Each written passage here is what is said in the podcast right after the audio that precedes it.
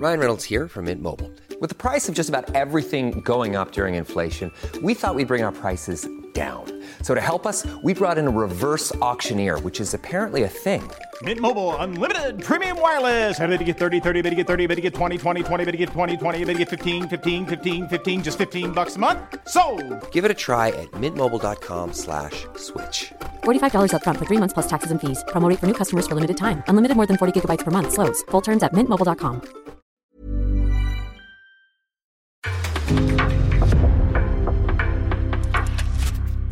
En podcast från Aftonbladet.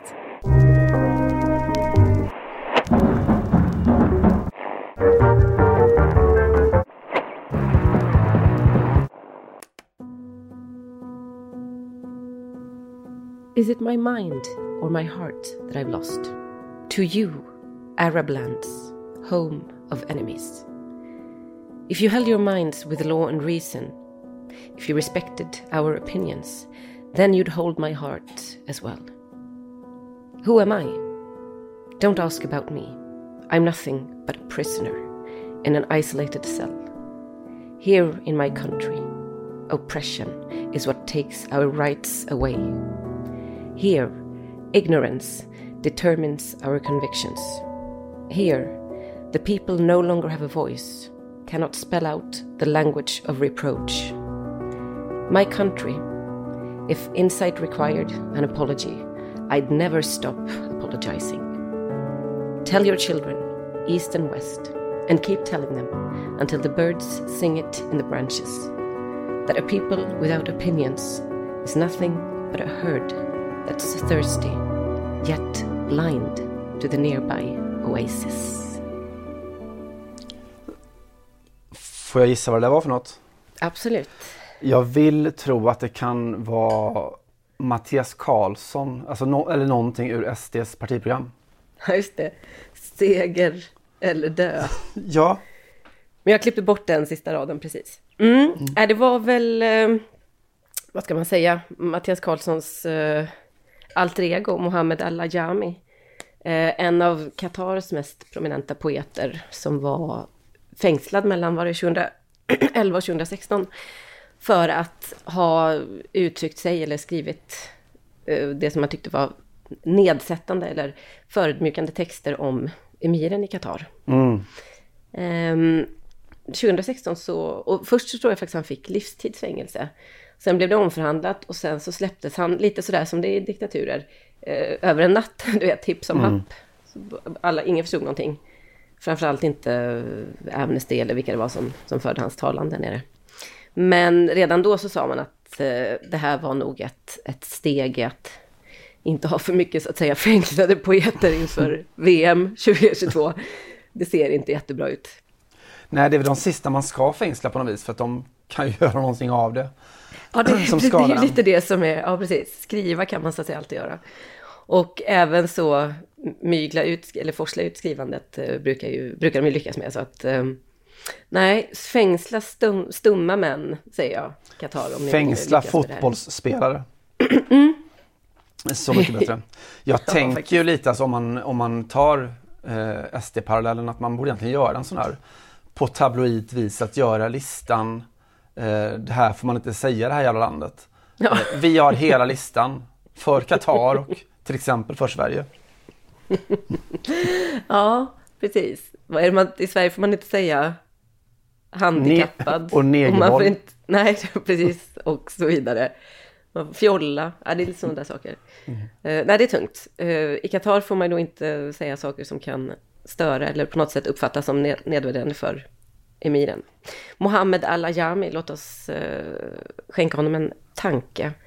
Eh, dikten heter Poem from a prison cell då och eh, kommer från Qatar. Där Sverige inte ska spela VM. Eh, Simon Bank, hur känns det?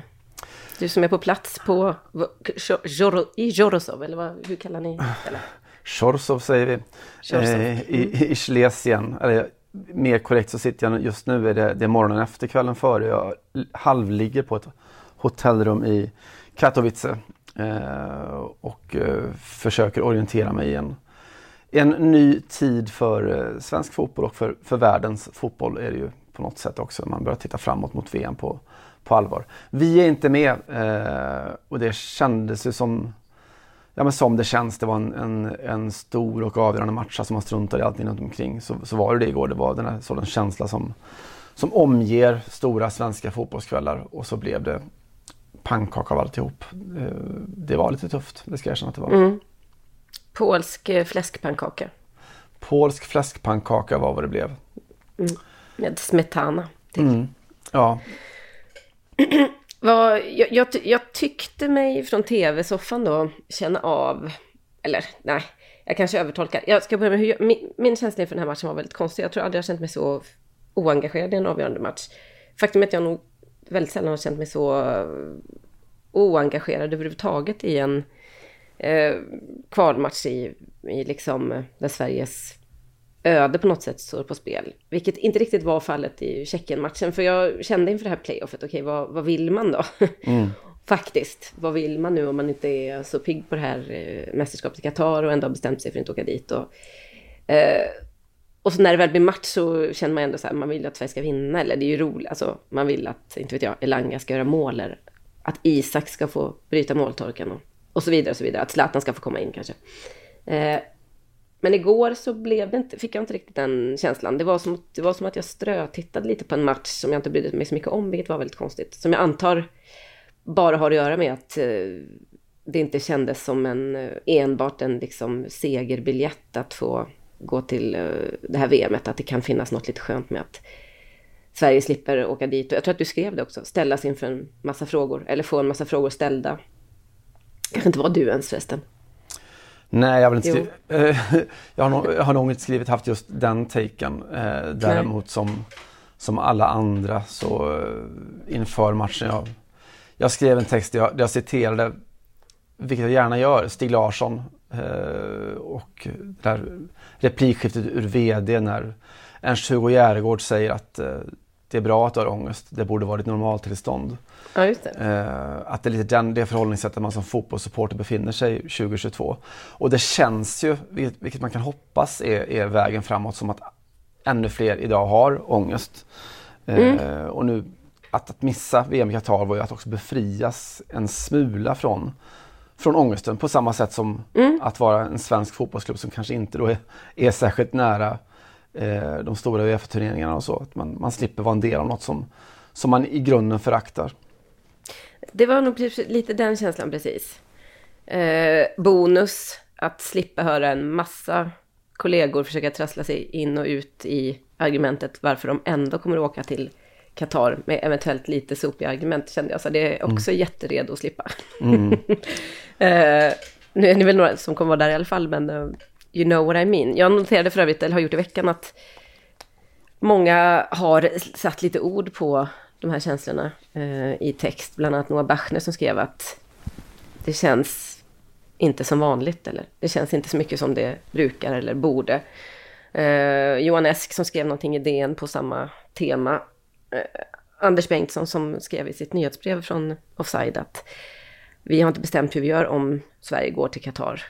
ska vi verkligen åka dit och vara en del av det? Blev det bra när vi åkte till Ryssland? Nej, det var ju, vi blev ju, drogs ju in i det som man gör och la ut roliga klipp och skrev knäppa anekdoter och efter ett tag och så vidare och så vidare. Mm. Um, jag, tror, jag tycker mig också känna att det, att det har smittat av lite på, eller att det är ett ganska bra, vad ska man säga, ganska bra lägesbeskrivning av vad många fans tycker. Alltså så, såklart inte alla. Och sitter man framför matchen så är det helt legitimt tycker jag att verkligen hålla på Sverige. Men, men känslan är att många, och jag vet också att det är både inifrån Camp Sweden och vad det andra gänget heter nu, har varit, eh, funnits röster som har sagt att vi, vi åker och stöttar Sverige, men det, vi vill inte, helst inte behöva heller ställas inför det här liksom, valet att åka till Qatar eller inte. Nej, och det, jag, jag, tycker att det är speciellt. Jag tror att vi har, vi har olika ingångar i, i, det. Jag tycker att det hade jag varit supporter så hade det varit oerhört problematiskt att åka till, till ett land och, eh, och sponsra det landet med mina pengar. Eh, hade jag varit fotbollsspelare hade det också känts eh, inte helt bra i magen som journalist så tycker jag inte att det är, jag tycker att det är en principiell fråga att en journalist är på plats. Sen så får man ju diskutera och debattera hur, hur man bäst agerar på plats. Men eh, jag tycker att det är en sån grund i det journalistiska uppdraget att faktiskt vara på, på ställen. Jag menar, journalister rör sig i, i diktaturer, man rör sig i, i ofria miljöer. Det, det är liksom en, det var vad en journalist gör och ska göra. Sen kommer nästa diskussion handla om vad gör man där och hur? Ja, det är ju, ja precis. För att det är ju, vara på plats är väl, jag menar, det beror ju helt på vad man gör på, på plats. Jag tyckte faktiskt att eh, när jag pratade med Robert Laul häromdagen i ämnet, eh, privat, men jag tror att, att jag tror att jag får gå ut med detta. Så sa han så här, man borde ju vara på plats fram till att VM börjar, för det är då det är viktigt. Och sen borde man dra hem och sen borde man minimera det hela. Och SVT eller TV4, ja, alltså rättighet, borde visa lite, lite klipp kanske från eh, matcherna, men inte mer än så. Mm. Uh, för att på plats inför ett mästerskap är jättebra att vara, eller ja, och Sportbladet har ju varit där flera gånger och så. På plats under är svårare. Uh, säger inte att det inte, att det inte ska göra såklart, men, men det är mycket på plats som det, det, det är, tycker jag finns något problematiskt med att folk kommer välla in precis till när det börjar. Mm. För det, det, kommer, det är lätt att bli lurad liksom, eller ja, lurad. Det är lätt att, att bli meddragen. Och man, det är ju fotboll också. Det är fotboll också. Eh, mm. Ignoransens slöja och så vidare. Mm. Vet du vad jag kände mer då? Det här, eh, nu får vi hoppas att Mattias Karlsson inte lyssnar för mycket på detta. Även om vi redan har citerat honom. Eh, jag kände ju att Polen förtjänade det här avancemanget. Um, inte så patriotiskt kanske, men jag kände så här, fan gott liksom. De, de, har säkert ingen debatt vad jag har hört om Qatar, typ ett sånt land, alltså en halv diktatur om vi ska vara ärliga, Polen, där man inte får ligga med vem man vill och i alla fall inte röra sig överallt om man gör det och man får inte prata om eh, vissa frågor och man får inte, ja, du vet ju allt det här. My, har, mycket man inte får säga det här, i det här jävla landet. Ja, det är jättemycket man inte får säga, precis. Eh, så jag gissar, jag slö, slog lite på internet på det också och fick mer eller mindre bekräftat att Qatar är inte ett land där debatt, eller Polen ska jag säga, inte ett land där debatten om VM i Qatar har fört så mycket, bra eller dåligt. Och då, därför känner jag så att de är mycket, mycket gladare över det här. Det här är så inte en komplex fråga för dem. Mm. Och då är det mycket roligare att de får åka dit. Plus eh, det historiska argumentet. Det är fan tråkigt att vara på den liksom. Ihoptänkt mellan eh, Tyskland och Ryssland och hela tiden utsatt för någons övergrupp övergrepp eller annektering eller kolonialism och, och det är bara fan, det är synd om polackerna tycker jag. Det har varit mycket, de, de, de förtjänar det här mer än vi. Så är det med den saken. De, de har väl också gjort, gjort, mycket rätt får man säga senaste varumärket Polen har haft en bra månad eh, ja, får man säga. Alltså det, i, det... I, I, skuggan av Ukraina-krisen. Eh, stort ja. mottagande. Och även, för, även fotbollspolen får man säga. Det, alltså Robert Lewandowski har, ju, har ju klivit fram mm. som någon slags eh, landsfader i allt det här. Det är helt sjukt. Ja, ja men det är, så, det är så konstigt. Alltså jag, och jag vill helst inte liksom, eh, vad ska man säga, sticka hål på den bubblan. För jag, det, det, man är bara glad när den typen av länder gör rätt. Men det är väldigt intressant vilken, eh, vilken sån good guy-stämpel Polen av alla länder har fått precis nu. Med tanke på allt det problematiska som jag så att säga listade inledningsvis. Ja, det, är, det är faktiskt väldigt konstigt. Men ja. så funkar ju medielogiken lite grann. Och, och för all del eh, krigslogiken. Så att eh, grattis Polen. Mm, PR-kriget håller ni på att vinna. Eh, VM är ni i nu. Och eh, Leva håller på att liksom få göra sitt... Eh, blir det sista mästerskapet? Han är inte så jävla gammal kanske. Han är, han är inte Zlatan gammal och han Nej. är ju också den sortens Cristiano Ronaldo fotbollsspelare som är fanatisk med sin, sin fysiska hygien. Mm. Eh, så att han kan ha fler, fler mästerskap i kroppen. Däremot så, så är det ju, det var ju sista chansen för, för deras stora generation som kanske var som bäst för, för något år sedan när eh, Blasjikovski och Piszek fortfarande spelade och du hade liksom Krikoviak som var, var ung och stark och eh, Lewandowski eh, som var lika bra då som han är nu och, och Kamil Glick mm. som också väldigt... Glick som inte, var så, som inte var så träben som han har blivit. Nej, han har alltså varit otrolig i landslaget egentligen alltid och, och, och var det väl i, igår också. Eh, bättre här än han var i, i ligan. Mm. Eh, om man säger. Så att de har, har ju en, en story får man säga. Eh, mm. Det roar mig också att se, alltså, apropå Lewandowskis jävla landsfaderskap, att ja, han, klev på dem mot att Ryssland skulle ut, eh, var oerhört drivande i det.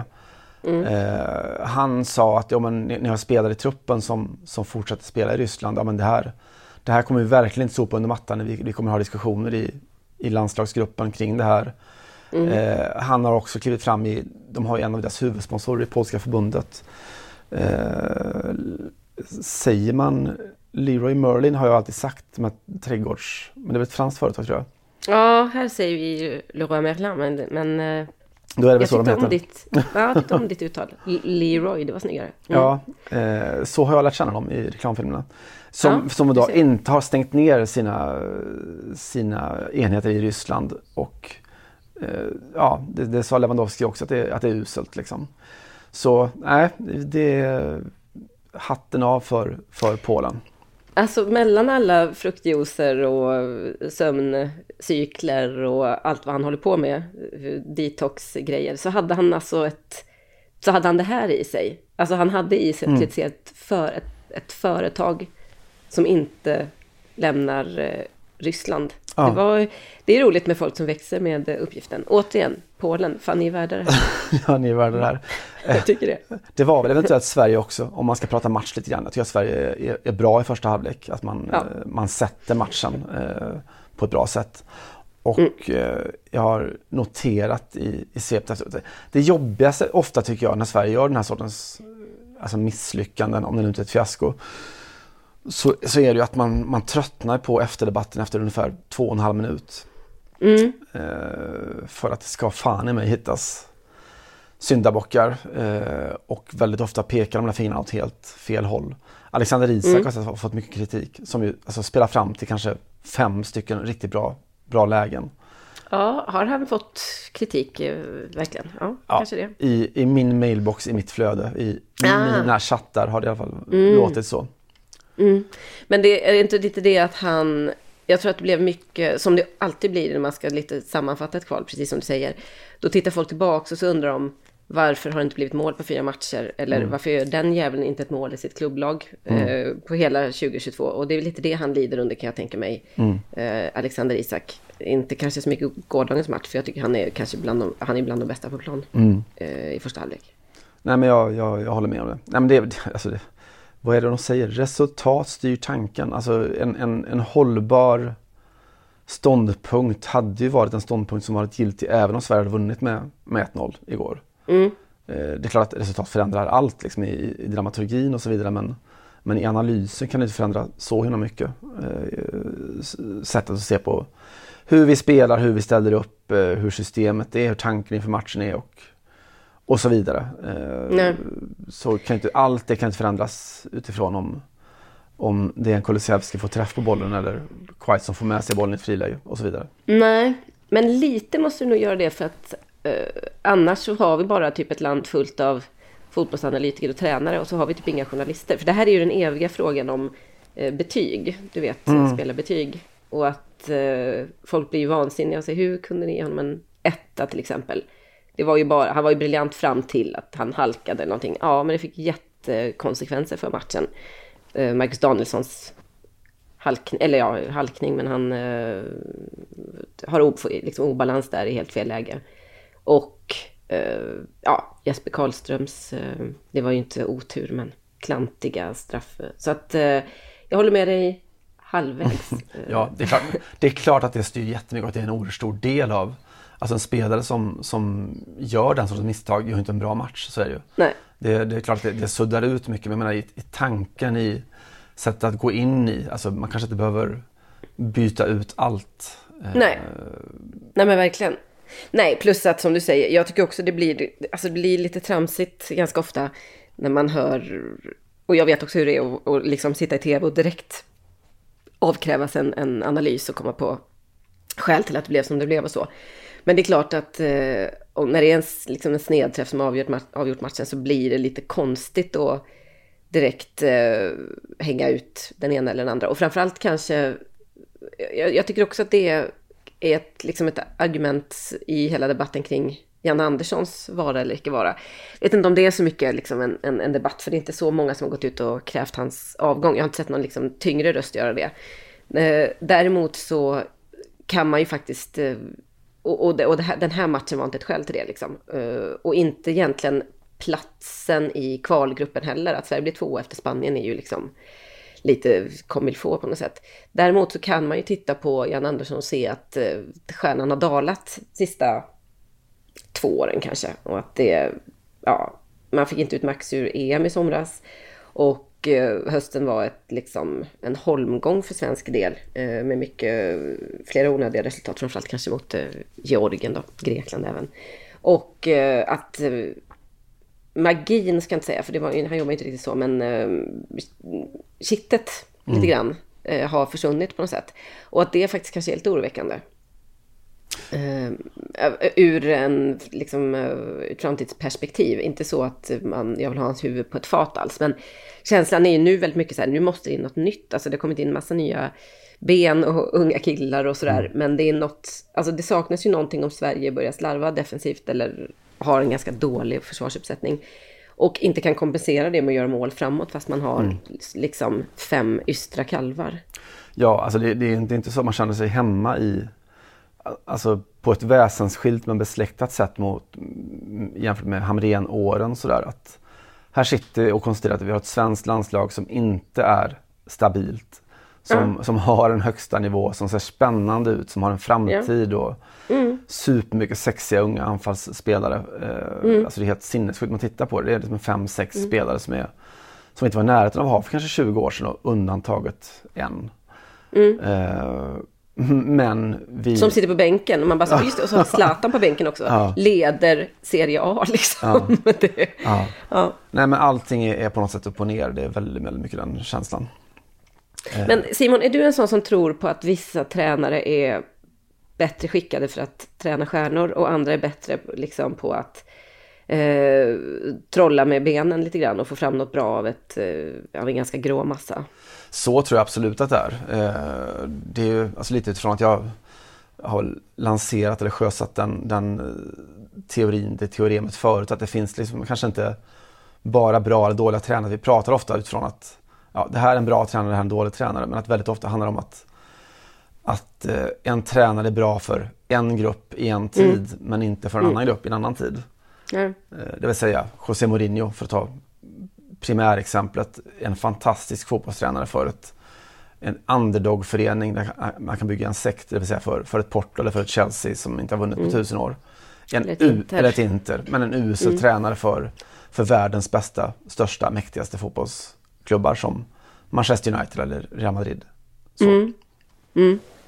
Ja, precis. För jag, I så fall så är det inte jättesvårt att argumentera för att Jan Andersson liksom lyckades tälja guld av post-Zlatan-eran. Fast det inte fanns ett namn som stack ut eh, i, i den gruppen. Eh, och att det lite är analogt med vad han hade gjort tidigare såklart. Som eh, allsvensk tränare inte minst. Men att det här... Ja, men det är jättesvårt att säga. Alltså, klarar han inte av eh, att hantera talang? För nu gav han ju dessutom väldigt många chansen nu tidigt och vågade mycket och så. Eh, och det är ju också, var ju också ett avsteg lite från den vanliga filosofin. Det här med att göra massa byten i startelvan och ja, satsa väldigt offensivt. Eh, det, ja, det kanske inte är det sättet som Jan Anderssons Sverige ska spela. Å andra sidan har jag svårt att tro att han på något sätt har frångått liksom sina principer och bara dragits med i någon allmän sån eh, vi har så mycket anfallare-yra. Eh, jag tror att han gör utifrån sitt eget bästa. Det är bara att kanske inte, kanske inte spelarmaterialet håller riktigt. Jag vet inte. Eller varför, varför ser det ut som det gör? Liksom? Nej men det kan ju vara att man är, man är en, två klassdefensiva spelare från att ha den här sortens, sortens balans. Alltså, något, eh, alltså Albin Ekdal är verkligen världserövrare men, men man ser att det någonting saknas när han är borta eh, balansmässigt. Till exempel, vi, vi spelar med en, en mittback som, som tränar fotboll på Kaknäs och är, har sin adress i Kina. Och så vidare. Eh, det, jag brukar bedöma sådär utifrån att tycker jag att en tränare har en, en bra begriplig linje i det, det han gör så kan jag respektera det även om jag inte delar, delar liksom bilden av, av linjen. Så. Jan Andersson har ju det till skillnad från vad Erik Hamrén kanske inte hade på samma sätt. Då. Eh, Jag förstår Vol- alltid varför han gör som han gör. Voltaire 2.0. Jag delar inte din tränarlinje, men jag respekterar att den är stabil och tydlig. Men jag, jag är beredd att skriva en stöttande ingress för den. Exakt så.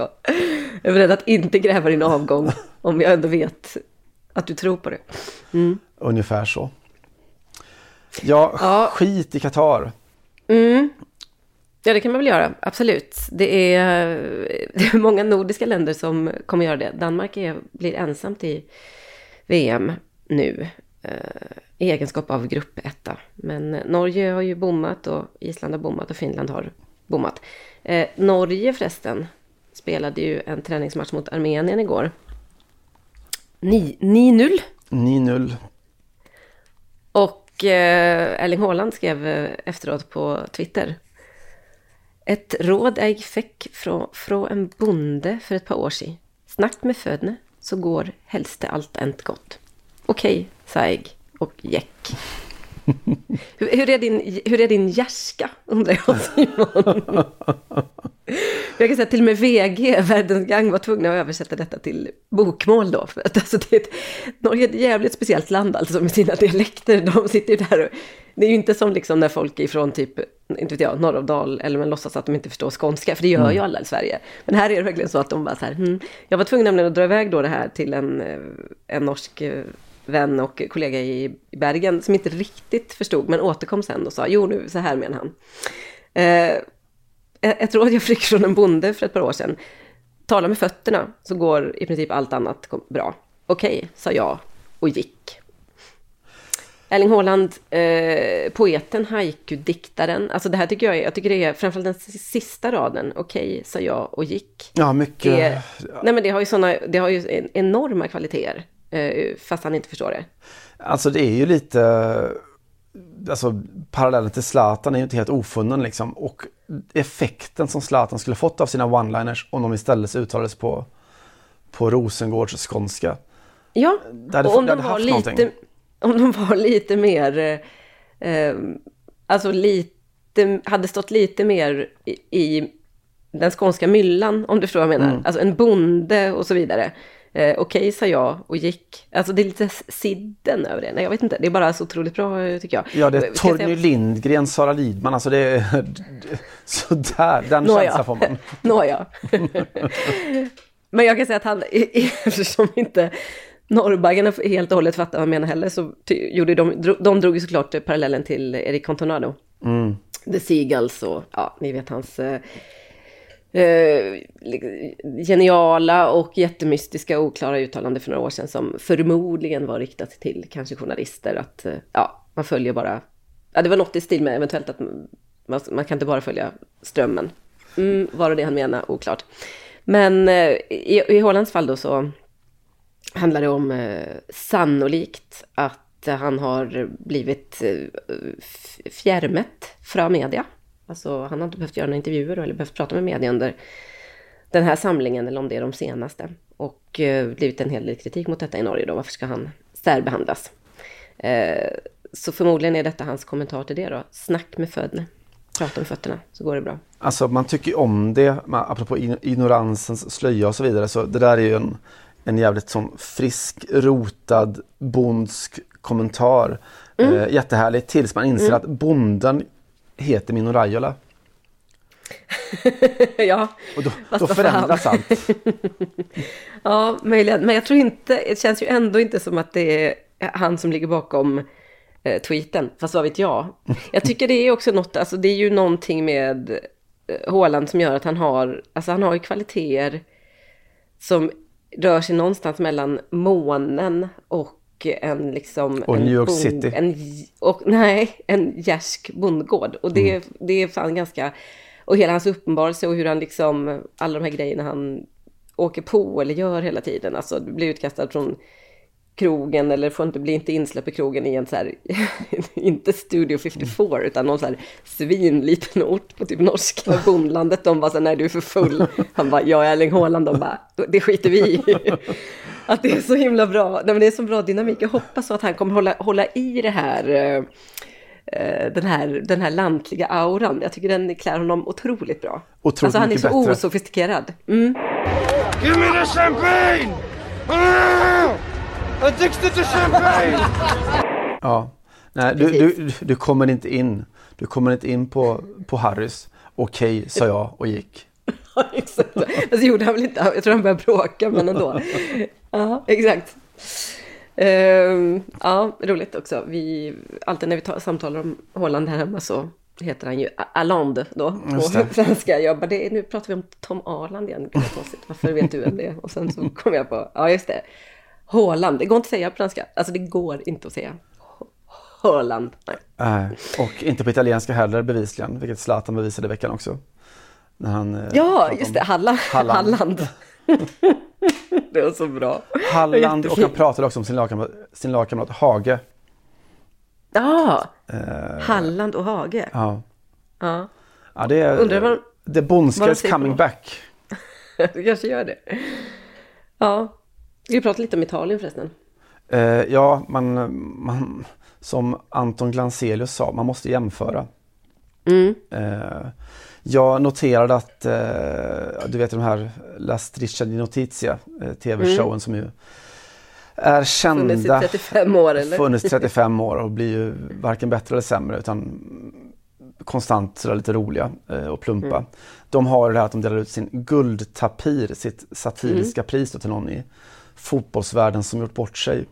Ja, just det. Ja, just det. Zlatan har ju fått det eh, något år. Eh, Han har nog fått det många gånger tror jag.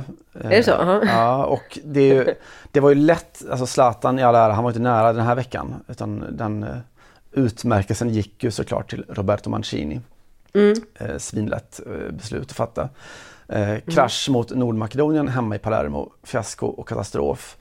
Eh, och de insåg då på redaktionen att det här vanliga, det här är större än en vanlig liten tapir. Så det de gjorde var att de drog upp till Coverciano, alltså italienska landslagets eh, stamhak då, deras anläggning. Träningsanläggning, ja. Just det, så heter det. Eh, med en lastbil. På flaket stod en gigantisk guldtapir. Sådär en och en halv meter hög staty. det, det, det är mer än jag har förtjänat, sa Mancini tydligen. Alltså? Mm. Ja, okej. Han kunde ändå ta det med någon form av ro då. Eh, Det fanns en glimt, eh, vilket ju avkrävs. Alltså alla känner till hela förutsättningarna med, med guldtapiren. Att man gör bort sig ännu mer om man blir sur. Mm, just det. Men de slog Turkiet med 2-3-2 igår. Ja, vi säger eh, grattis. Ja, vi säger stort grattis. Det var inte, förutom, förutom Donnarumma var det ju inte många första namn i den uh, starten. Det var Akilini tror jag med också. Mm. Men eh, ja, nej, det var väl inte en superkul match att, att spela. Eh, och som en kompis sa häromdagen, eller dagen efter de hade åkt ut, kul för Serie A som ska ha uppehåll i november och december. Fy fan. Ja, Liksom. mörkret. Ja, det är ett sånt mörker. Det är verkligen ett mörker. Men Jag tycker det är intressant reaktionen efteråt. Alltså det, är, det är väl uppenbart att Mancini har då gjort det som, som man lätt gör. Att han har inte heller då fått in det unga spännande Italien. Det som man, ja, man trodde att var på gång. Utan han har, han har kört vidare på, dem, på, på de, Europamästarna. gör inte heller några mål, lite som Sverige där. Precis så. Eh, men också att om man ser på, alltså de, ja, alla vet ju om att de har gjort fiasko i VM 2010 ut i direkt där. Eh, och då, då kickade de ju Lippi, eller Lippi läm, lämnade. Eh, 2014 ut direkt. Eh, Abete och Prandelli fick lämna. Eh, 2018, jo tack, Ventura. Långt 2017. bort åt helvete. Tavecchio också, förbundsbasen ut. Eh, men nu så verkar det väl som att de inte gör den sortens förändringar. Nej.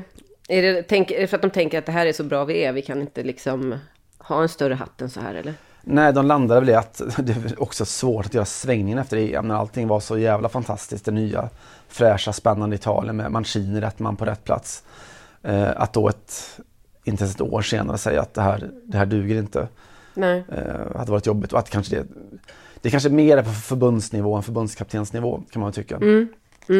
Eh, och, och liganivå.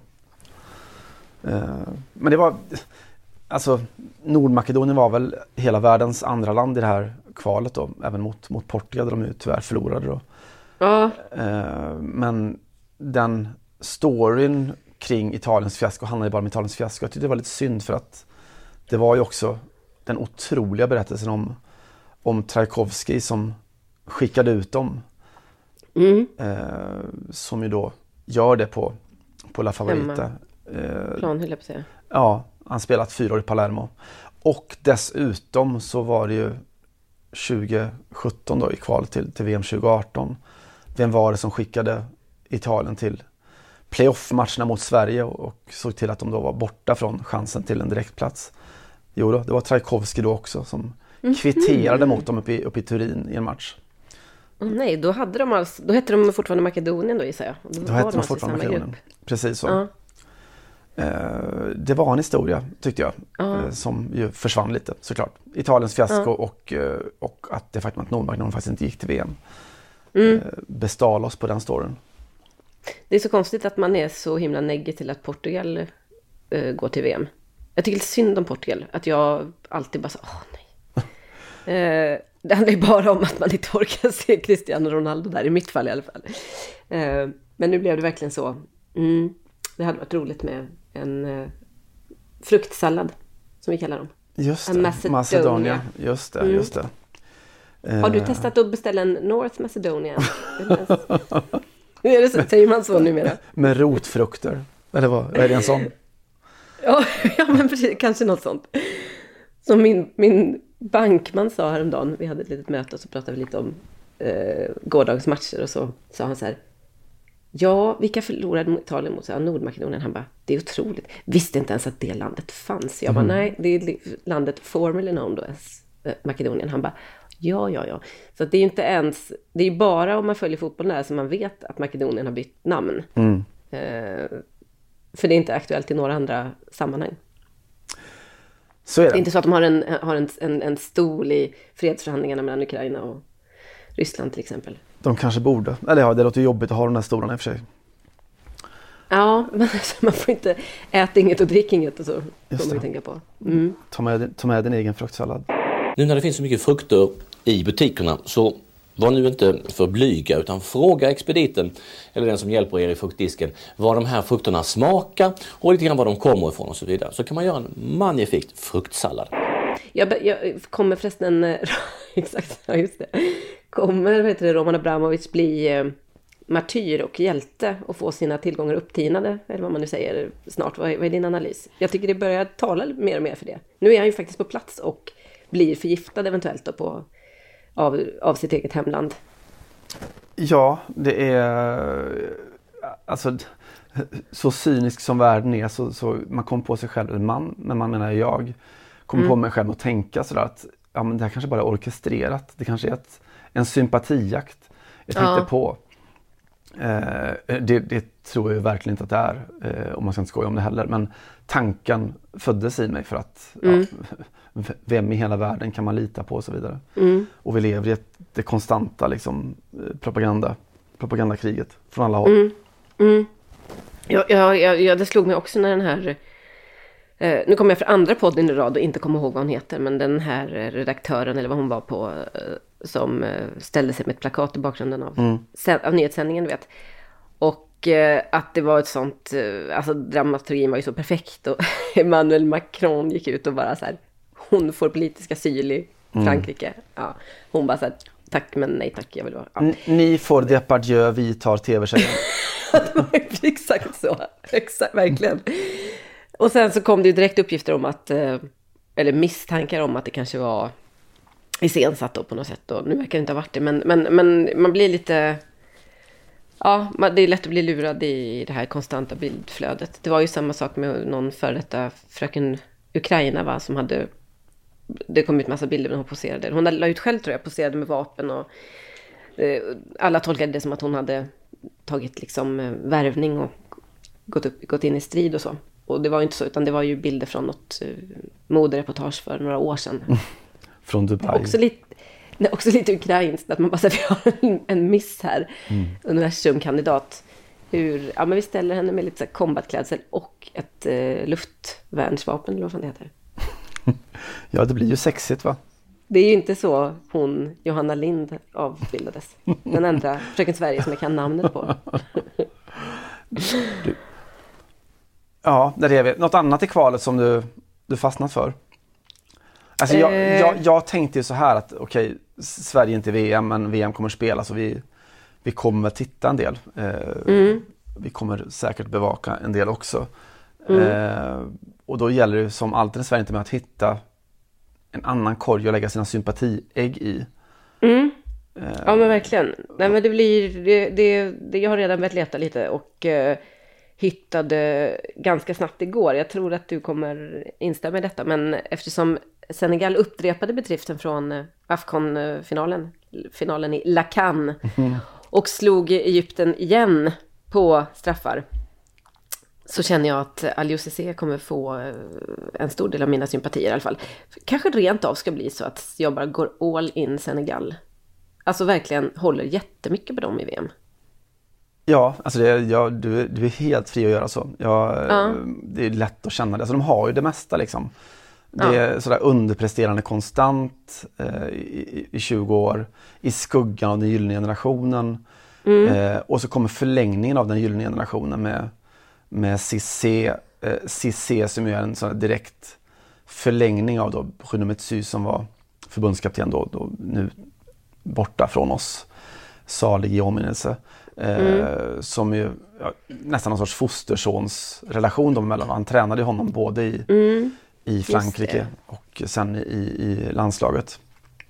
Eh, en sån här född, född ledartyp. De har också, eh, om jag ska utgå från mitt perspektiv, så har de den goda smaken att ha två stycken Marseille-spelare i, i truppen. Eh, Både Papegay och eh, Bamba Dieng spelar ju för dem. Eh, ger mig också ett skäl att, att Gjorde mål igår i straffläggningen. Däremot brände, jag också- gillar också att man kan gå vidare eller vinna en straffläggning fast man bränner de två första. Eh, Koulibaly, Koulibaly var det först som var först ut att bränna och sen så kontrade Salah med att bränna sin straff. Det var väl lite stökigt där med mycket laser eh, lampor i ansiktet och sådana där grejer. Ja, alltså, jag, jag undrar lite om det hade hänt i Europa. Om det hade varit Cristiano Ronaldo som, som slog den här straffen med, med Mm. lasern dansande i ansiktet. Om det hade varit närmare till hans då att, att organisationen gick in och sa att "Nej, men det, här, det här är inte acceptabelt. Det här får vi faktiskt ta om.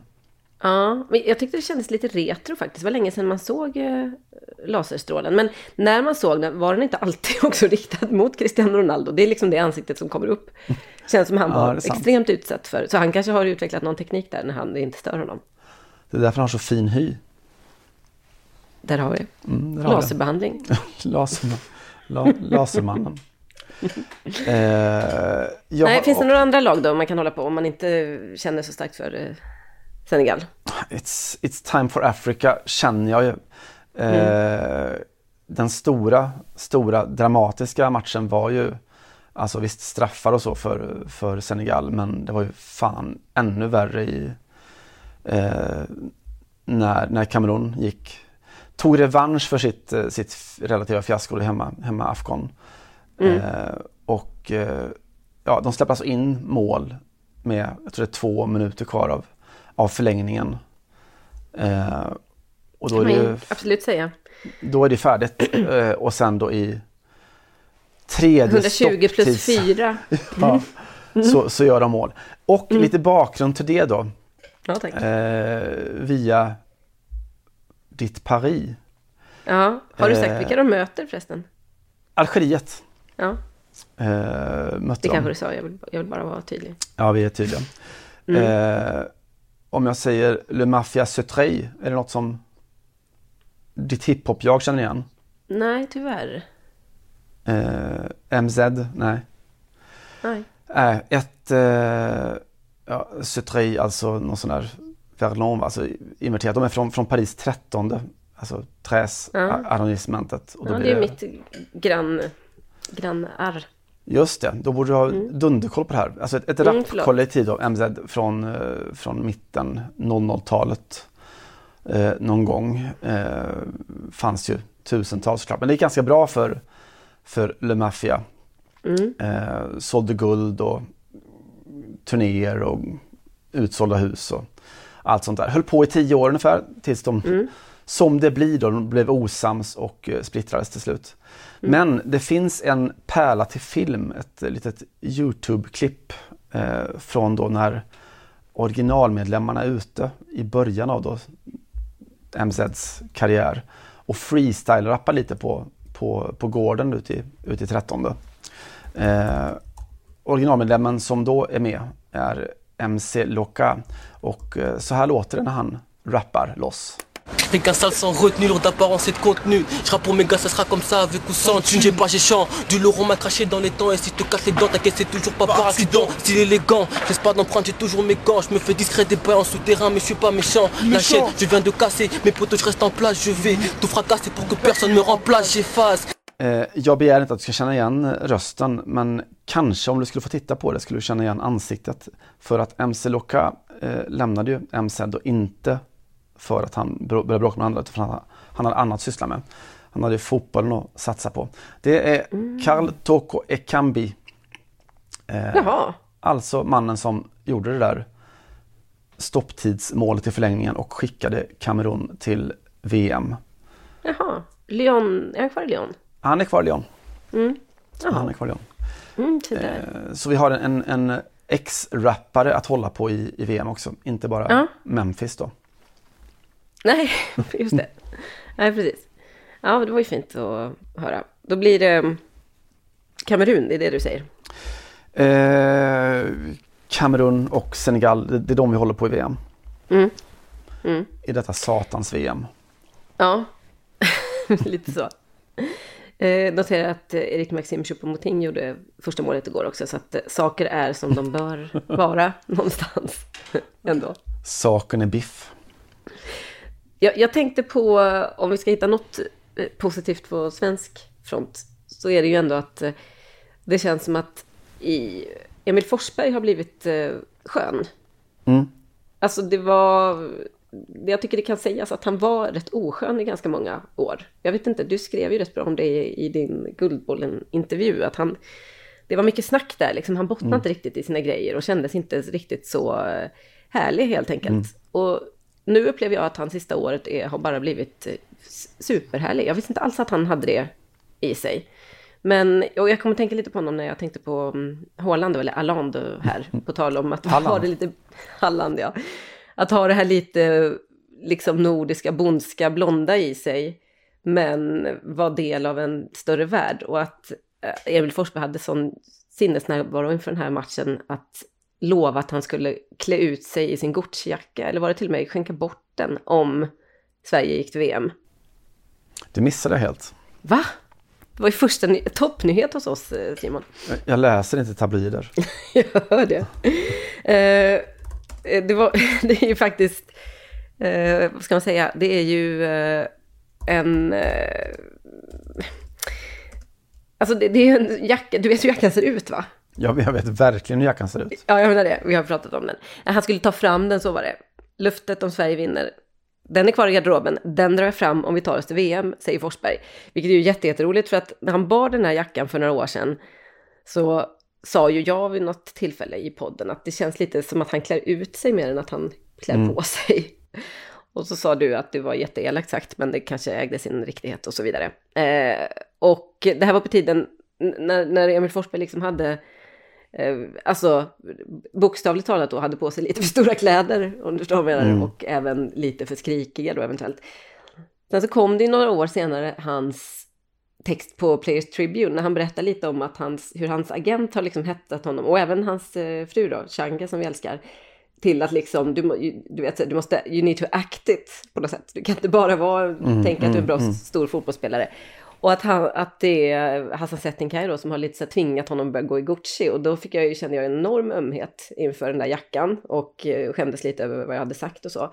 Och nu har det liksom gått varvet runt. Nu är Emil Forsberg så, han har landat så mycket i sig själv så att han fattar att det såg roligt ut. Och eh, lovar på en presskonferens inför match att jag, den där jackan tar jag fram om vi går till VM. Är det inte fint? Det är jättefint det och det finns Och har det sorts- inte en, ho- ho- en, en psykologisk... eh, kvalitet? Jo, det har också någon sorts psykologisk eh, alltså briljans i sig också. Att tanken på att du börjar med att klä dig, alltså kläderna gör mannen och så vidare, som någon sorts Mm. må- mål, målbildsförklaring. Eh, du kanske börjar med att ta på dig hatten och glasögonen, sen så kanske du blir Malcolm X en dag. Just det. Ja, verkligen. Forsberg fick också en fråga om när det är hans tur att få utmärkelsen som Sveriges bäst klädde man. Den får jag nog aldrig. Jag tycker det är kul att klä på sig ibland, ta på sig lite olika saker. Men bäst klädde man kommer jag nog aldrig få, säger Forsberg och skrattar. Kul att klä på sig ibland.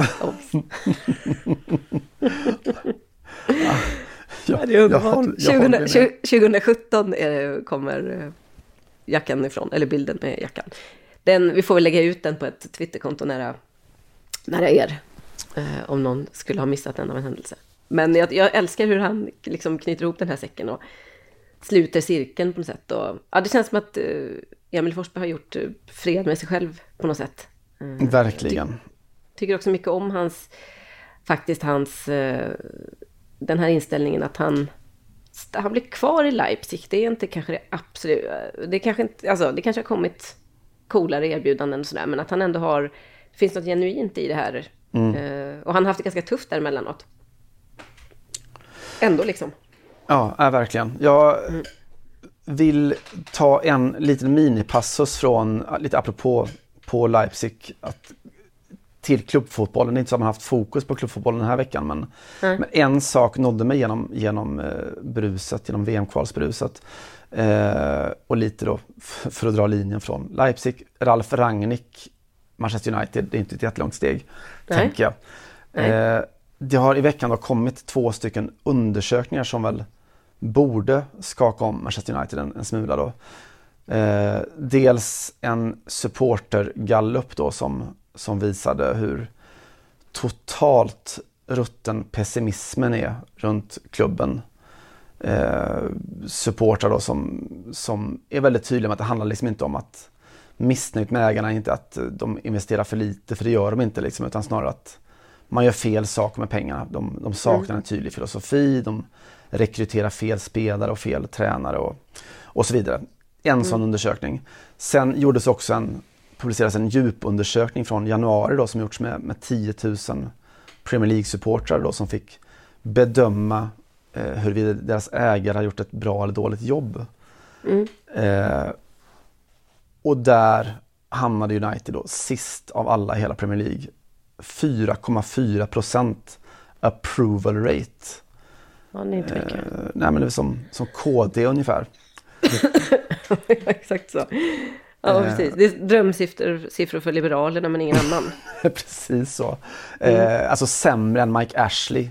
Eh, Ja, nej, det är starkt. Ja, det är riktigt starkt. Hur lyckas man med det? Nej, hur lyckas man med det? Men, eh, de skickar ut ett par sådana här typkommentarer då som skulle gestalta eh, grunden i kritiken och ändå handla om att, att United är ingen klubb längre, det är ett företag som säljer merchandise. Eh, och en sak att supportrar gnäller, det är klart att det är jävligt allvarligt men i förlängningen så kanske det är ett mer akut problem om den bilden också är något som sprids bland de som faktiskt skulle kunna få ordning på den där klubben om de känner likadant. Eh, och då noterar jag att Louis van Gaal eh, gav en intervju och man kan säga mycket om Louis van Gaal men, men Ja, han har varit eh, jätterolig på slutet. Alltså, han har varit underbar Ja. på slutet. de blir ju det när de, när de slutar om det nu är det han har gjort. VM i VM i Qatar is ridiculous. Det är Ja. bara så här, ja, det är Ja. som man själv har försökt få skriva på typ, vi är väl uppe på 150 000 tecken alla texter. Man bara, det var det enda jag ville få sagt egentligen. Verkligen. Ja. Mm. Han är ju en fotbollsman i alla fall och eh, han, han fick då i veckan om frågan om han tycker att Erik Ten Hag, alltså Ajax tränare, borde ta över United, vilket ju verkar vara något som är, om inte nära, så i alla fall något som verkligen, verkligen diskuteras. Och då sa han så här att eh, jag tycker att Ten Hag är en fantastisk tränare. Eh, och en fantastisk tränare är alltid något som är bra för Manchester United. Men Manchester United is a commercial club. Just det, Eh, it is better to go to a football club. det hörde jag också. Det var svinbra sagt. Och man blir också lite glad att den här sortens reaktioner börjar komma. Alltså det känns ju som att vi lever i uppvaknandets tid kring, Ja. kring fotbollssporten. Ja, jag håller helt med. Han... ja, vi kommer aldrig få ett bättre läge att kasta in eh, ett av hans eh, roliga talfel, eller i alla fall eh, konstiga grejer som han har sagt. Eh, alltså, eh, Louis van Gaal var ju inte så känd för att ha så nära relation med sina spelare. Det var ju väldigt mycket det här att säga fel namn på någon försvarare och sådär, du vet, när, när i United. And uh, last year, the third captain was Mr. Mike Smalling. Chris, could I? Oh, Chris, sorry. Men det roligaste var ändå kanske när de skulle möta eh, Queens Park Rangers och eh, sa så här. I think the first half we played uh, like Queens Park Raisins uh, played, and that's not good. Queens Park Raisins. Ja, fantastiskt. Det är kontraktsförlängning på den. Osett. Ja, en underbar man. Jag tror att hans fru har sagt någon gång att han eventuellt är autistisk. Alltså, och menade det då. Alltså, det är ju, jag tror att han har någon diagnos liksom. Jag har aldrig riktigt fattat vad det är. Men ja, alltså typ han är sådär konstig hemma också. Mm. Nu är han slut som autist. ja, nu, fast han är väldigt bra på att säga exakt vad han tycker. Men det kanske bara är ett... Det är i och för sig ett lite holländskt drag då, med någonting. Sant. Ja, Eh, någon sorts ärlighetstourettes. ja, just det. Eh, notera förresten, apropå tränare som, som har, har slutat eller är på väg utåt, så Vanderlei Luxemburgo, ni kommer ihåg honom, gamle förbundskapten i Brasilien och Real Madrid-tränaren under några Ja. inte så lyckade år. Nej. Han har ju varit arbetslös ett, ett gäng år och har nu följt den utstakade vägen för alla pensionerade fotbollsprofiler i Brasilien. Ja, vänta då. Jag måste bara komma på vad fan det är. Eh, det är inte så lätt som att bli tv-tyckare antar jag.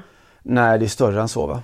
Ja, är, är det, är det alltså att man får en eh, plaststol och ett skrivbord på förbundet men inte riktiga, inget riktigt uppdrag? Du får en plaststol och ett skrivbord men du får det i eh, riksdagen eller så. Ja, just det. Mm. Givetvis. Han kommer ställa upp för Socialistpartiet i nästa val. Mm. Eh, utifrån, det är så jävla grunt då, eh, tanken att ja, en, en, en politiker är också en tränare. Eh, ja. eh, och det här då som, som tankespåret, something, jag, jag kör den engelska översättningen. Something I learned in football and politics will not be different. The I is selfish. When you say I want this, I want that, you're being selfish. The I is for you. When you work in a group, the we is key. Vä- Värdigt ett fotbollradikal intro faktiskt. Men sjukt också att the we is key. Kan det, eh, om det kan rimma på portugisiska? Okej, nu är jag ute på lite djupt vatten här. För det är ju väldigt bra eh, engelska översättning annars. Ja, absolut. Och, och sa ja och gick och så vidare. Precis. Ja, men det, vi, är, vi är eh, de slagkraftiga sloganens avsnitt. Ja, verkligen. Men det är ju, det har ju, vi har ju sagt det några gånger, men det tål ju att upprepas att inget land går folk så, så smärtfritt mellan eh, fotbollsplanen eller omklädningsrummet och politiken. Och ingenstans går folk, eh, eller män då, för det spelare, så konsekvent från fotbollen till eh, vänsterpartier som i Brasilien. Det är ju verkligen en, Ja. det är som att inget annat är möjligt där eh, nästan. Alltså vi har ju hela Bebeto, Romario, ja, det finns ju mycket som helst. Ja, det är de andra, eh, alla Neymars och eh, Lucas Moura och what have you. Alla Ja. Bolsonaro-apologeter. Ja, ja, som är den stora majoriteten. De engagerar sig ändå inte. Nej, det känns inte som att, att vi kommer få se dem, eh, Neymar, i parlamentet eller så. Nej. Eller? Alltså, det, nej, jo, alltså som, alltså för att han blir inbjuden för att uppträda med, eh, eh, vet du, det, Mikael Telo eller något sånt där. Just det. Bara hålla lite pausunderhållning kanske. Mm, Men inte så mycket mer än så tror jag. sant. Eh, vi ligger lite eh, svajigt till alltid för att prata Champions League. Det är den här poddens öde eftersom vi spelar in, nu är det onsdag morgon faktiskt, men eh, det är samma, precis lika illa för att idag, idag drar eh, damernas kvartsfinalreturer igång. Ja, de både drar igång och tar slut. Nej, de drar igång idag och så är det också eh, två matcher imorgon. Eh, och det är ju ingen idé att vi pratar om dem för ni vet, kommer veta hur det har gått redan. Och det intressanta, det jag ville lyfta med detta Simon, är att eh, ganska ofta så har man ju haft anledning att prata om de här matcherna som att de är lite avgjorda kanske efter första möte. Eh, gäller absolut inte bara damfotbollen, herrfotbollen i allt större utsträckning också, men Eh, det är roligt att se tycker jag på damsidan att det går ett lite motsatt riktning. Från att ha varit eh, ett gäng klubbar som har kunnat vinna även på den här nivån med ganska rejäla siffror. Så har vi alltså då PSG Bayern München 2-1 från första matchen. Eh, Olympic Lyonnais Juventus 1-2. Wolfsburg Arsenal 1-1 och Barcelona då Real Madrid 3-1. Eh, det är väl den matchen som känns rätt så klar. För nu ska de ju spela då inför ett fullsatt Camp Nou är, ikväll är, är förhoppningen. Och det var indikationen i alla fall. Och eh, Real Madrid har nog behövt få med sig ett bättre resultat. Men jag bevakade ju den matchen förra veckan och konstaterade att det var ganska mycket tur för Barcelona. Det, var, det hade lika väl kunnat bli eh, oavgjort i, den, i det mötet. Eh, du behöver inte kommentera det om du inte har något, jätte, något helt genialiskt att lägga till. Men visst är det roligt att vi har fått så jämna att det lever. slutspelsmatcher? Ja, absolut, mm. absolut. Och mm. jag noterar också att vi, apropå det var inne på förra veckan, att PSG kommer slå publikrekord på Parc des Princes också. Just det. 25 000. 25 000 utsålda. Mm, jag såg mm. det också. Mm. Ja, nej men det är väl inte så många som orkar kolla på deras herrlag för stunden. Så det här kanske är... Eh, det kan, här kanske är läget för damerna att ta över intresset. Eller bredda det lite i alla fall. Ja, absolut. Nej, mm. bekräftelsen. Jag såg också att, eh, apropå bekräftelser, så eh, har Alexia Putellas, världens bästa fotbollsspelare, fått den stora spanska bekräftelsen. Hon har just då i El Mundo ställt upp för sitt första stora sån här photoshoot. Mm. Där man ser alla hennes tatueringar och så vidare. Mm. Verkar vara en jävligt solid människa det där. Mm. Det kan, kan jag bara skriva under på. Mm. Verkar de vara. All right. Um, du ska snart sätta dig i en taxi till ett flygplan och uh, åka hem, eller hur? Det är planen. Har du någon uh, bakgrundsmusik till det? Jag ska försöka. Jag hade en, en, en ingångsplan att uh, spela musik från Brasilien för att uh, uppmärksamma det faktum att uh, det skrevs historia här i helgen. För första gången någonsin så toppades Spotify, alltså Barcelonas Spotify, eh, FC Barcelona. Ja, jag förstod. eh, deras sån här globala lista för spelningar toppades av en brasiliansk artist. Mm eh, Anita eh, och hennes singel Envolver. 6,3 miljoner spelningar. Det lite anmärkningsvärda med det var att det tog fart som satan de sista dygnen in mot uh, att listan skulle summeras. Av det enkla skälet att den som utmanade närmast då var en argentinsk artist oh. eh, Paolo Londra. Och då mobiliserades det i, i både Brasilien och Argentina från fotbollssupportrar att vi, ska, vi får fan inte låta Argentina vinna det här. Ja, de är roliga de där länderna. Det påminner mig om eh, VM-studion på Copacabana 2014 när Argentina gick till final och eh, Henrik Jonsson, Branda, Jonsson Brandao var Brandao Jonsson var så himla knäckt över detta, brasse som han ju är.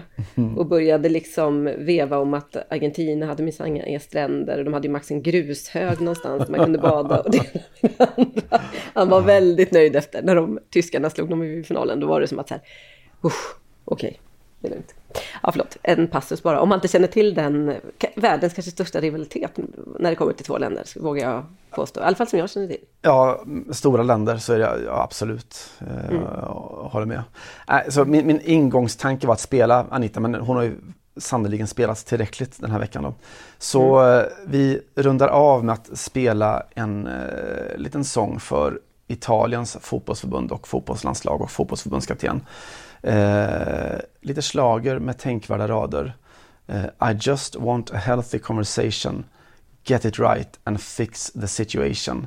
Det här är Andrea och Circles. Alltså Nordmakedoniens bidrag i årets Eurovision. Mm. Vi tar det härifrån och vidare mot VM! Grazie, ciao! Ciao! I just want a healthy conversation Get it right and fix this situation Everything is crumbling down beneath us Du har lyssnat på en podcast från Aftonbladet. Ansvarig utgivare är Lena K Samuelsson. Do I listen to my heart or mine? Cause we run around, run around in circles, circles, circles, oh, circles. You don't